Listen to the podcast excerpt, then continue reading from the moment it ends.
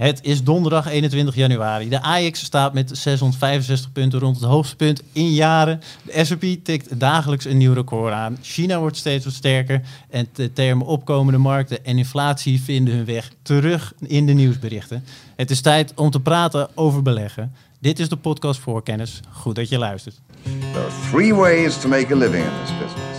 Be first, be smarter, or cheat. No, I don't cheat. Ja, want dat is denk ik toch wel het belangrijkste nieuws van allemaal. eh, dat er een nieuwe podcast is. Voor kennis, de podcast over beleggen. Ehm, namens Beleggersbelangen, mijn naam is Maarten Butterman. En eh, ik zit hier eh, samen met de adjunct hoofdredacteur Stefan Hendricks. Misschien wel de beste marktduider die er is. En eh, met redacteur en expert Karel Merks. Misschien wel de meest enthousiaste beurshandelaar van Nederland.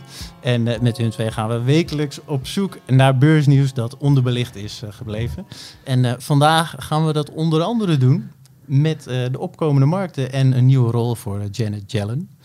Leuk dat jullie luisteren. Ehm, eerst gaan we gewoon even kijken hoe we de beursexperts de afgelopen weken de beurs hebben ervaren. Karel, met jou eh, beginnen. Het zijn gekke dagen op de beurs. Heb je al hoogtevrees? Eh, nee, maar wat ik wilde benadrukken is dat ik de top van de AX die vandaag is neergezet om precies 1 uur een fantastische stand vind. Want jij noemde 5, 6, 565, maar de werkelijke intraday top is eh 666.66. en die is nog steeds niet overtroffen. Dus de hoogste stand van de afgelopen 20 jaar zijn nog steeds 5 6 achter elkaar. En dat vind ik wel weer een grappig feitje. Dus misschien is dit een heel duivels getal. En dat hebben we vaker in het verleden gezien. Zoals bijvoorbeeld eh, op 9 maart 2009 toen de S&P 500 intraday bodemde op 666. Dus het duivelse getal komt vaker terug dan dat menigeen zou denken. Kijk eens aan. Nou, dat eh, was me nog niet eens opgevallen, inderdaad. Maar dat is een leuk feitje.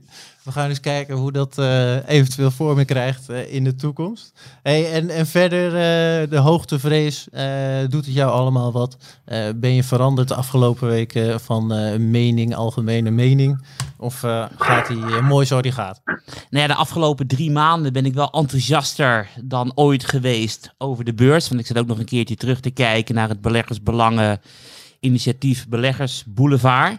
En daar viel op dat ik echt eh, begin december zo enthousiast was over de markten. En toen zei ik van ja, de markten kan alleen maar omhoog vanwege de unieke combinatie van overheden die meer gaan uitgeven, centrale banken die meer gaan doen en het vaccin dat er aankomt.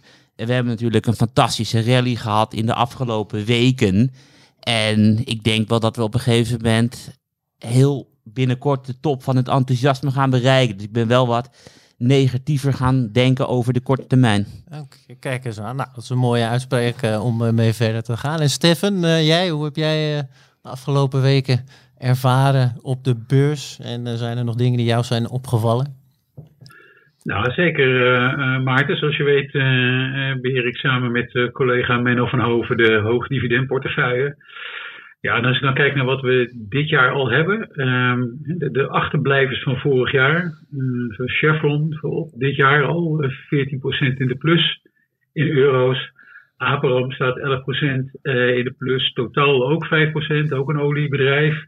En, eh, en onderaan vind je dan terug de, eh, de defensieve waarden die het vorig jaar goed gedaan hebben. Bijvoorbeeld een Procter of een, eh, een Kimberly Clark. Dat zegt wel iets over, ehm, over de, de huidige markt. Waarin eh, ja, ook gewoon waardeaandelen, achtergebleven aandelen eh, ook een flinke sweep omhoog hebben gekregen. Want als je mij denk ik eh, eind vorig jaar had gevraagd. En wat denk je Aperam? Nou die koersstijging nog eens 10% erbij. In dik twee weken tijd in januari. Daar misschien niet al te veel geld op gezet. Nee, oké. En zit, je, zit je nog lekker op je plek zoals het nu is? Of zit je te kijken naar veranderingen?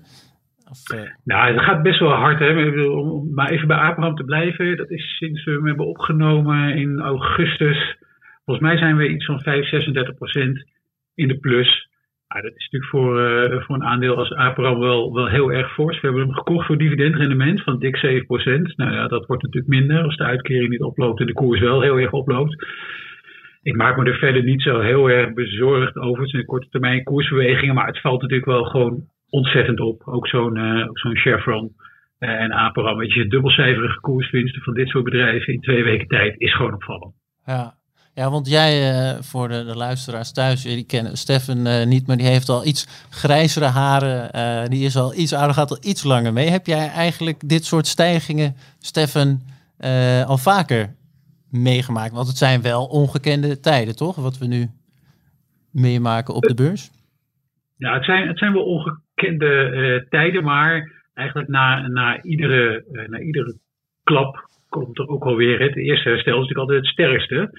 Um, dus dus dat, in dat opzicht valt het niet zo heel erg op. Sectoren die helemaal in elkaar geknald zijn, die kunnen ook nog wel eens een beetje opveren. Uh, dat gebeurde ook met, met banken en al eerder met oliebedrijven natuurlijk.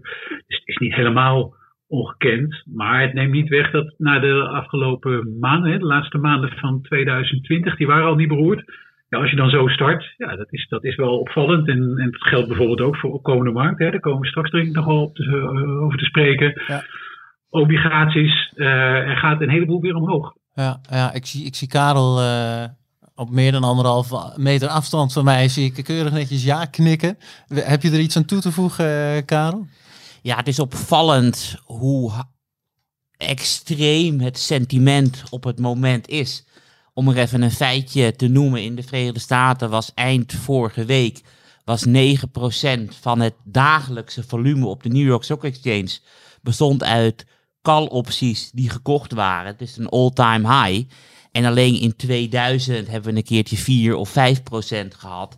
En dat is natuurlijk een enorm uh, brandstof voor de huidige rally. Want een particuliere belegger kan een call-optie voor weinig geld kopen. Dan beginnen aandelen te stijgen. En de market maker denkt dan van... hé, hey, ik wil geen geld verliezen, dus ik ga mijn risico afdekken... door gewoon aandelen te gaan kopen... En zo zie je maar weer dat particuliere beleggers de rally hoger en hoger en verder en verder aan het duwen zijn. En er zijn steeds meer vergelijkingen te trekken met het jaar 2000, wat natuurlijk ook heel erg enthousiast was. Dus we zijn weer twintig jaar terug in de tijd. Kijk eens aan. Nou, dat valt ook op, hè, uh, Maarten. We, zitten nog steeds in, uh, in Nederland in een, in een lockdown. Uh, elders in de wereld wordt natuurlijk, worden ook maatregelen genomen hè, om het coronavirus te beteugelen. strengere maatregelen. Bij sommige aandelen zie je dat terug. Een van de aandelen die ik persoonlijk heb getipt, zo'n Eiffage, die een tolwegen doet in luchthavens. Nou, dan zie je de koers wel onder druk staan. Maar het algemene beeld is best wel positief. Hè? Dus je hebt heel veel uh, heel veel angst nog voor hoe lang gaat die lockdown uh, duren. Uh, de oeverloze discussie over wel of geen avondklok en wanneer die dan in moet gaan. En aandelenmarkten lijken zich er gewoon heel erg weinig van aan te trekken. Dat, ook, ook dat is opvallend. Ja, nou ja, dat is inderdaad een opvallend gegeven. Dat biedt meteen een mooi brugje om verder te gaan. Om iets verder de diepte in te gaan. Naar, nou, om te beginnen was ik eigenlijk wel benieuwd. Karel, jij leverde aan dat de TAN-ETF, spreek goed, is het TAN-ETF? Ik heb eigenlijk geen het is het, idee, uh, kijk, het mooie van tickercodes in de Verenigde Staten zijn dat ze altijd wat uitbelen. Dus de TEN ETF is dus de ETF wat te maken heeft met zon en zonne-energie. En die, ik bedoel, vroeger had je beursbedrijven die uh, met de code DNA en het uh, grootste cannabis-aandeel wereldwijd heet wiet.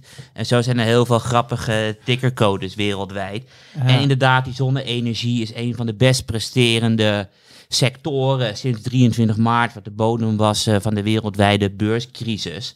En ze staan geloof ik 450% hoger gemiddeld. Dus je hebt aandelen die het beter doen dan dat qua zonne-energie en minder.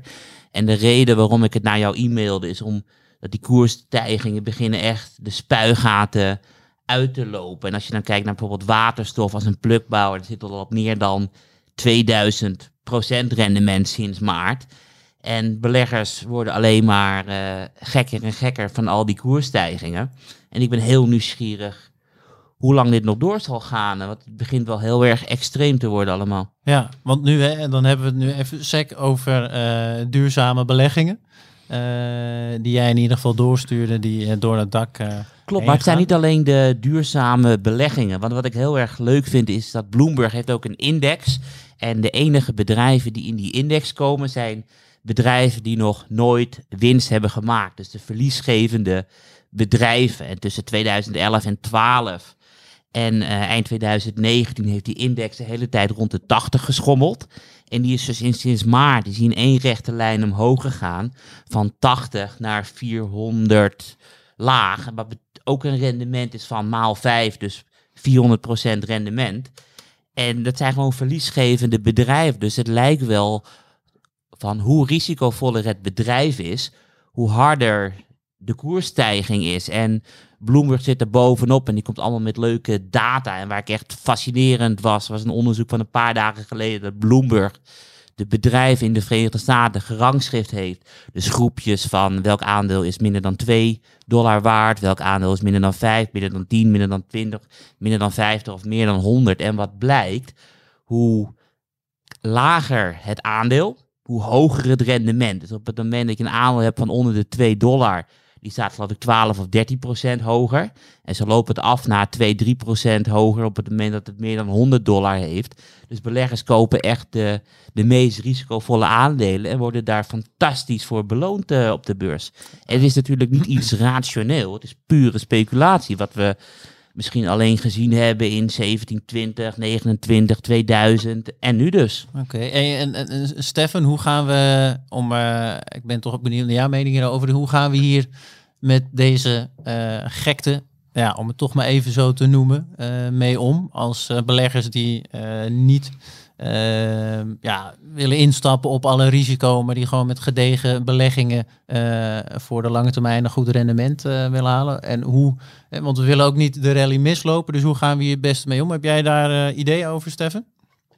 Ja, kijk, uiteindelijk blijft natuurlijk, of je nou wel of niet meer in de rally zit, je koopt natuurlijk een aandeel in de, in de hoop dat je als aandeelhouder er een toekomstige cashstroom naar je toe komt. Hè? Dus dat is wel het idee. Dus op een gegeven moment moet een bedrijf natuurlijk wel, uh, wel winst gaan maken en, en cash naar uh, aandeelhouders toe kunnen laten gaan. En dan heb je ja, aandelen waarvan je kan zeggen, nou dat, dat is rationeel. Een aandelen dat je misschien zegt, dat is volkomen krankzinnig. Um, Netflix bijvoorbeeld is dan een interessant geval. Hè? Die zijn inmiddels ja. door de coronacrisis hebben die gezegd, nou we kunnen onszelf nu financieren. Hè? We hebben geen schuld meer nodig. Hè? Zoals natuurlijk een tijd lang dat er hè, analisten die daar nog wat sceptisch over waren, die zeiden ja, die jongens van Netflix moeten iedere keer maar naar de markt om geld op te halen. Want als je 6 miljard plus in content investeert, ja, dat geld moet ergens vandaan komen. Nu zegt Netflix, Karel volgt het bedrijf, dus die kan me wel corrigeren als het niet zo is. Maar nu zegt Netflix, nou niet alleen hebben we gewoon genoeg geld, gewoon om die content te maken, maar als we geld over hebben, kopen wij eigen aandelen in. Ook Netflix heeft natuurlijk een fantastische rally achter de rug. Maar hier kan je dan misschien wel meer een case voor maken. Nou ja, goed, dat bedrijf gaat echt toe naar een, naar een fase waarin er ook, uh, ook op een andere manier geld naar aandeelhouders kan. Hè? Je kan echt zien dat, dat uh, voldoende cash binnenkomt. Er zijn ook andere bedrijven waar dat gewoon on onzeker is. Ik volg zelf, zoals je weet, Maarten, ben ik heel erg geïnteresseerd in gentherapie. Mm -hmm. nou, CRISPR Therapeutics is een van de, van de belangrijkste bedrijven daarin. Ja, die zijn verdrievoudigd het afgelopen, uh, de afgelopen twaalf maanden.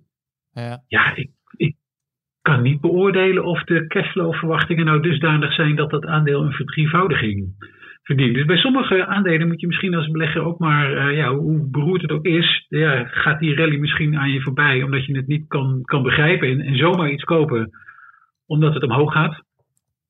Ja, dat is misschien niet altijd een even goed idee, to put it mildly. Nee, nee, keurig. Want is, uh, is het bedrijf dat jij noemt, CRISPR-Cas, die, uh, zat die ook niet in de tips die jij... Ik heb zeg, vorig jaar vier twee... maanden geleden getipt heb in een artikel. Nou, ik heb CRISPR Therapeutics wel uh, al genoemd in oktober 2019, een artikel over gentherapie. Toen stond dit ook nog helemaal in de kinderschoenen, werden er ook nog patenten betwist, et cetera. Um, dus het aandeel hebben we wel eerder genoemd, maar het heeft een ongelofelijke vlucht genomen. Um, en het is duidelijk dat die technologie steeds verder vooruit gaat. En, en, en er werken al andere grote bedrijven nu met CRISPR samen. Dus het is niet allemaal irrationeel, maar tegelijkertijd um, uh, denk ik ook niet dat iedereen het kan onderbouwen. Als ik, als ik wel eens op onze Bloomberg terminal kijk naar koersdoelen die voor uh, bijvoorbeeld verliesgevende biotechbedrijven gegeven worden ja, dan loopt dat ongelooflijk uiteen. En dan weet je één ding zeker, dat heel veel analisten ook eigenlijk niet echt een heel goed idee hebben van wat de uiteindelijke cashflows nou zijn die dit soort bedrijven kunnen genereren. Nee, oké. Dus uh, goed oppassen waar, uh, waarin geïnvesteerd wordt uh, in ieder geval. Sowieso altijd wel een handig advies. Oké, en super. Netflix overigens ook wel een leuk voorbeeld. Dat Karel nog heel even een brugje naar jou te maken. Dat is nog steeds een koopwaardig aandeel in jouw mening. Niet alleen een koopwaardig aandeel, het is ook ons sectorfavoriet van de media- en recreatiewereld. Dus we verwachten daar het meest van. En het is fantastisch wat het bedrijf aan het doen is. En ik denk dat streaming nog veel en veel groter gaat worden. Ik ben wat minder enthousiast dan de CEO van Netflix. Want de CEO, CEO van Netflix, Reed Hastings, zegt van... We hebben alleen maximaal bereik gezien in het aantal telefoons. Het is wereldwijd gestagneerd op 6 miljard. En voor de rest zien we alles alleen maar groeien. Dus ik denk, nou ja, 6 miljard is een beetje extreem. Maar ze hebben nu ruim 200 miljoen abonnementen, subscribers. En het gaat echt wel naar een, uh, naar een half miljard toe. En wat heel positief is, dat nu blijkt een gemiddelde Amerikaan niet één, niet twee, maar drie verschillende streamingsabonnementen heeft. Dus het maakt ook niet uit wat Disney Plus aan het doen is. Netflix zal niet worden opgezegd. En elk jaar zijn, zijn de Emmy Awards. En niemand wint zoveel verschillende Emmys als Netflix. Dus ik ben nog steeds uh, enthousiast. En als je dan kijkt naar de afgelopen 20 jaar, want ik hou van lange termijn datareeksen, dan zijn de best presterende aandelen de aandelen die, um, waarvan bedrijven de eigen aandelen opkopen. Dus uh, nu aan Netflix waarschijnlijk ook gaat beginnen met het inkopen van eigen aandelen.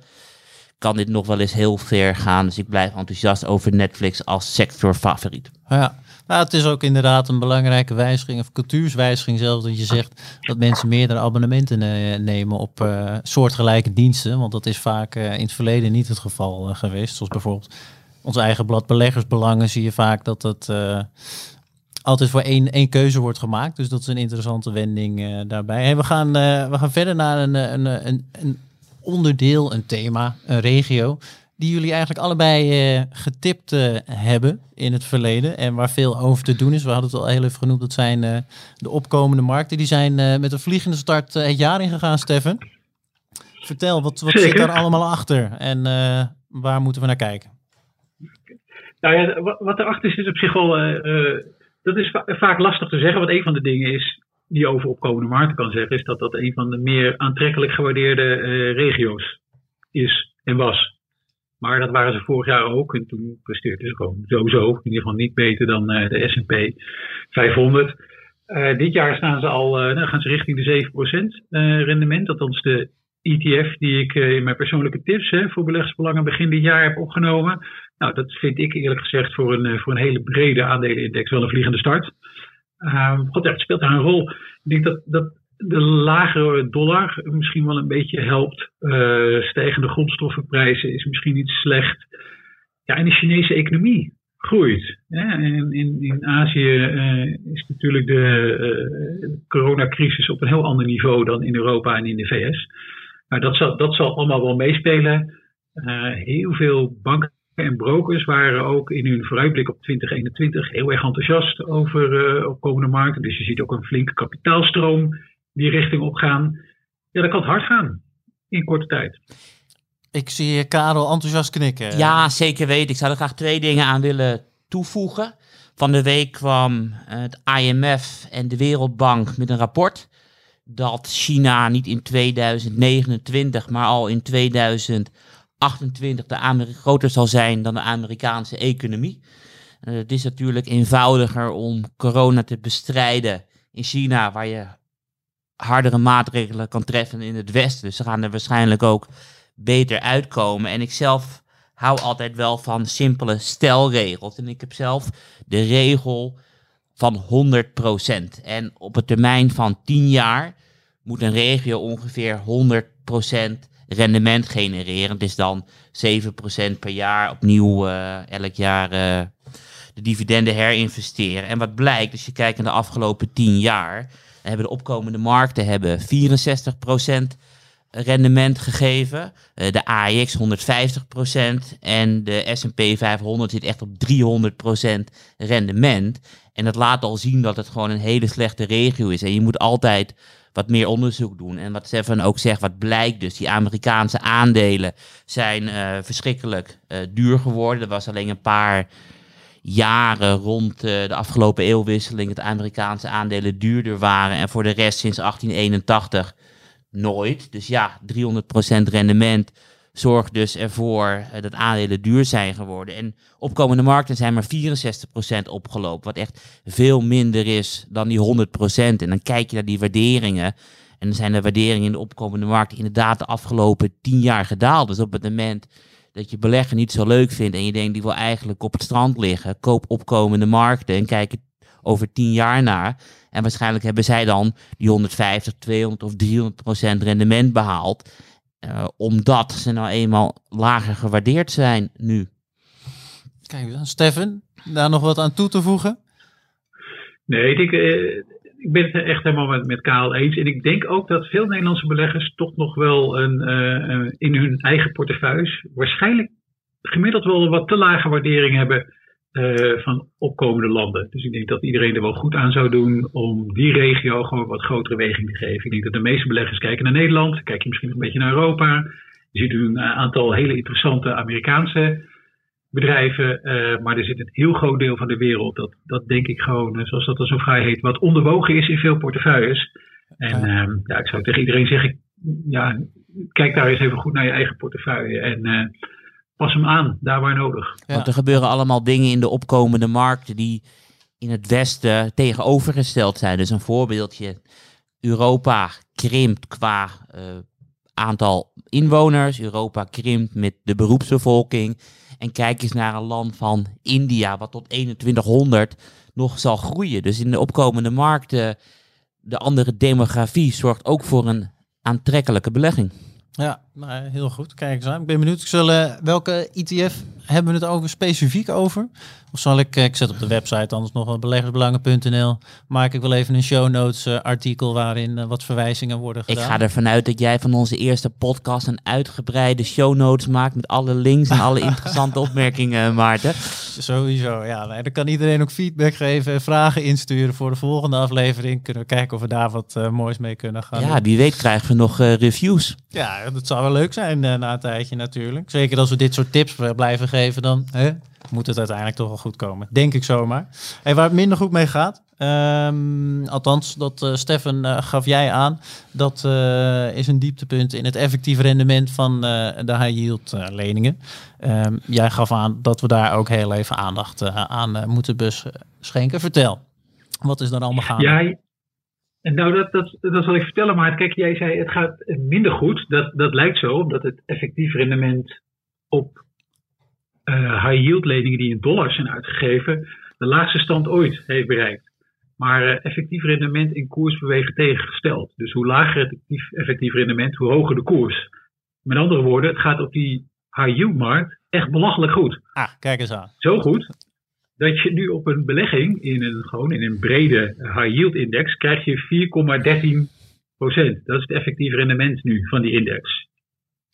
Daar moet je rekening mee houden als high yield belegger. Dat, uh, ja, dat is nou, hoort nou maar bij high yield. Dat zijn de meest risicovolle bedrijfsobligaties die er zijn. Ja, ja dan gaat het bedrijf even failliet. En dat gaat wel van je rendement af. En dan is 4,13 procent uh, echt een onvoorstelbaar laag effectief rendement. En een effectief rendement ja, waarop ik liever geen high yield obligaties meer zou kopen. Niet meer kopen. Ik vind dat geen compensatie. En, en houden? Nee. Is dat, want hè, stel ze zitten al in portefeuille, uh, gaan we er dan wat mee doen? Nou, ik zou als iemand zijn portefeuille heeft, uh, uh, zou ik het hem of haar niet kwalijk nemen als zouden zeggen, weet je, ik verkoop het eens of een deel of volledig en ik kijk het eens even aan. Want waar gaat het om bij die high yield leningen? Je moet natuurlijk een effectief rendement krijgen dat jou compenseert voor wanbetalingen. Ja. Dat is het natuurlijk. En um, 4,13% vind ik persoonlijk niet echt een hele uh, goede compensatie voor het risico dat je loopt. En een van de uh, bekendere beleggers, uh, Karel volgt hem ook wel. Hij heet Bill Egan. Hij beheert een fonds bij JP Morgan. Iedere maand heeft hij een, um, ook een, een, een, een podcastachtige publicatie. Er komen ook vragen van zijn beleggers.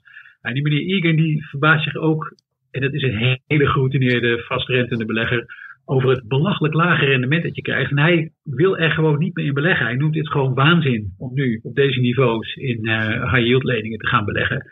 En het is, het is een uitvloeisel van de markt. Hè? Dus je kunt aan de ene kant zeggen, er zijn hele speculatieve bedrijven die gaan met honderden procent omhoog. Nou, de keerzijde daarvan zie je dus op de, uh, op de markt voor uh, extreem risicovolle leningen. Die stijgen dus ook, waardoor het effectief rendement heel erg omlaag gaat. En dan krijg je zoiets unieks als dit op de borden. En dat is, uh, ja, ik vind dat zelf niet een heel erg gezond teken, eerlijk gezegd. Dan bedenk je wel, de Amerikaanse economie groeit niet zo heel erg hard. De coronacrisis is daar nog niet opgelost. Um, faillissementen zullen nog wel gaan stijgen. en in dat klimaat krijg je nou 4,13 procent. Nou, dat lijkt mij niet echt voldoende. Nee, genoeg om de woorden waanzin uh, in ieder geval te rechtvaardigen als ik zo. En uh, wat zou dan eventuele alternatieven zijn, mocht je ze zo uh, te handen hebben hoor. Ik kan me ook voorstellen dat dat niet zomaar ten tafel kan komen. Maar wat, wat zou jij doen als je het wel van de hand doet? Wat is dan eventueel een gedegen alternatief? Nou ja, in, in de in, in obligaties, hè, vastrentende waarde, is het alternatief met je handen in je haar, denk ik. want er, er valt onvoorstelbaar weinig te verdienen in in het uh, vastrentende land. Want ja, de, de lange rente op staatsleningen is laag. het effectief rendement op hele solide bedrijfsobligaties is in Europa belachelijk laag. En in de VS ook al heel erg laag. Je zou nog kunnen zeggen, staatsobligaties uit opkomende landen. Dat zijn ook posities die ik in de pensioenportefeuille heb, die ik voor beleggersbelangen beheer. Die posities laat ik gewoon staan. Ik heb daar nog uh, ook een positie in uh, solide Amerikaanse bedrijfsleningen. Maar dat is wel eentje die bij mij op de watchlist staat. Want um, dat effectief rendement is ook niet heel aantrekkelijk meer. Nee, nou, kijk eens, ik zet het allemaal in de show notes uh, waar we nu elke keer naar kunnen verwijzen. Dus dat is mooi meegenomen. Karel, je wilde volgens mij op ingaan. Kijk, Vertel. dit is natuurlijk ook wel weer een, een van de drijfveren voor de huidige beursrally. Want wat je gezien hebt in 2020 is dat Amerikaanse bedrijven ook met een financieel vlekje enorm geprofiteerd hebben van het huidige klimaat. Dus ook al hebben ze geen geld nodig, ze hebben toch meer dan ooit obligatieleningen in de markt gezet om geld op te halen. Dus je ziet ook dat het Amerikaanse bedrijfsleven door dit extreme beursklimaat er wel heel erg goed voor staat. Ja. En dat maakt het ook allemaal zo moeilijk, omdat het volgens mij heel erg moeilijk is om op dit moment negatief te zijn. Want we hadden. Uh, van de week werd bekend dat waarschijnlijk Janet Yellen de nieuwe minister van Financiën wordt in de Verenigde Staten. Nou ja, waar is Jan, Janet Yellen bekend om?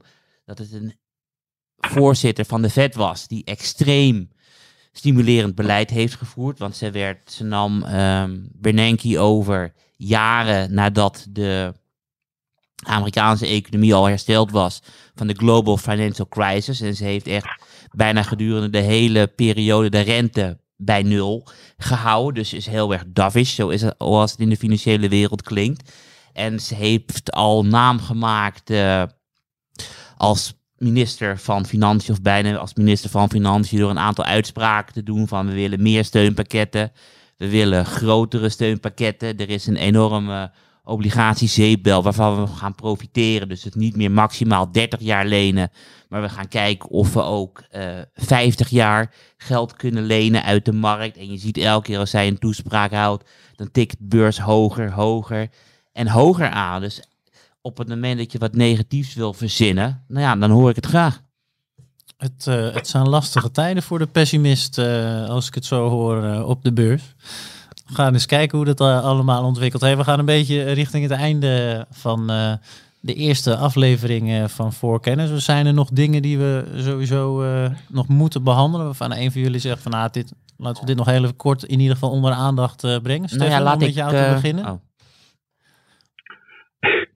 Nou, Karel mag ook wel eerst Karel. Ja, voor, ja, ja, ik, bedoel, ik hij was zo, zo enthousiast. Ik denk, ik, uh, laat ik enthousiast wat negatiefs brengen. Want oh ja, het, het, leuk. leuke van de Verenigde Staten is dat je op het moment dat jij aandelen verkoopt of koopt als insider, dat je moet melden bij de SEC. Dus er zijn allemaal statistiekjes te maken. En de afgelopen maand hebben meer dan duizend insiders aandelen verkocht van het eigen bedrijf. En het aantal mensen dat aandelen gekocht heeft is minder dan 100. En zo'n grote verhouding verkopers-kopers van eigen aandelen is sinds de index in 1988 begon nog nooit eerder vertoond. Dus het is opvallend hoe enthousiast iedereen is. Terwijl die insiders uh, hun eigen aandelen aan het verkopen zijn. En hoe die data werkt, is dat het normaal maakt niet zoveel uit, want je hebt geld nodig of je hebt niet geld nodig. En die data zit heel veel ruis in, maar gewoon de meest extreme momenten zitten de insiders toch wel vaker goed dan niet goed. Dus dat zou het negatieve zijn uh, van het moment. Oké, okay. Stefan, kijk jij uh, graag naar de, wat de insiders doen? Of uh, laat je het wat meer links liggen? Nee, dat is, dat is sowieso wel, wel interessante informatie, hoewel je nooit echt de motieven weet waarom die insiders verkopen. Dat kan zijn omdat ze hun eigen aandeel belachelijk gewaardeerd vinden. Het kan ook gewoon zijn omdat ze fijne boot willen kopen, wie zal het zeggen. Maar in aansluiting op wat Karel zei, denk ik dat we de komende uh, weken ook heel goed moeten gaan letten op het, uh, op het cijferseizoen. En dan niet alleen over wat voor cijfers er worden gepubliceerd, hè, over het vierde kwartaal, maar ik ben ook heel erg benieuwd naar de verwachtingen die uh, CEO's voor hun eigen bedrijven gaan uitspreken. Want dat, dat is traditioneel. Je, nieuw jaar, je komt met een outlook. En, en hoe voorzichtig of niet voorzichtig zijn die CEO's. Dat gaat, uh, dat gaat ons ook wel iets zeggen over um, waar het met de economie denk ik naartoe kan. Heb jij bepaalde verwachtingen over de verwachtingen, Stefan, of uh, wachten we dat af? Nou, voor bepaalde sectoren is het natuurlijk wel interessant. Uh, als ik me niet vergis, is er in de auto-industrie bijvoorbeeld al een tekort aan chips. Um, en cijfers van ASML waren top. Volgens mij waren de verwachtingen van ASML ook goed. In die, in die chiphoek nou, lijkt het dus wel, uh, lijkt het wel goed te gaan. Maar ik ben ook heel erg benieuwd in de, uh, gewoon in de ouderwetse industriële hoek. Hoe het daar, hoe het daar loopt. En uh, of daar eenzelfde soort optimisme zit. Of dat je toch ook dit jaar weer een soort tweedeling krijgt tussen nou, een beetje tech en industrie. Waar de industrie misschien nog wel lastig heeft en technologie nog heel erg goed doorloopt. Ja, Oké, okay, nou kijk eens aan. We, gaan, we komen de volgende week op terug, uh, lijkt me zo. Uh, tenminste, ik weet niet of we dan al bedrijfscijfers die dergelijke resultaten iets uh, licht op kunnen zijn er dan, er, er, dan al zijn. Maar dat gaan we meemaken. We zijn er volgende week in ieder geval weer. Dank heren voor de expertise. En nou, we spreken elkaar volgende week weer.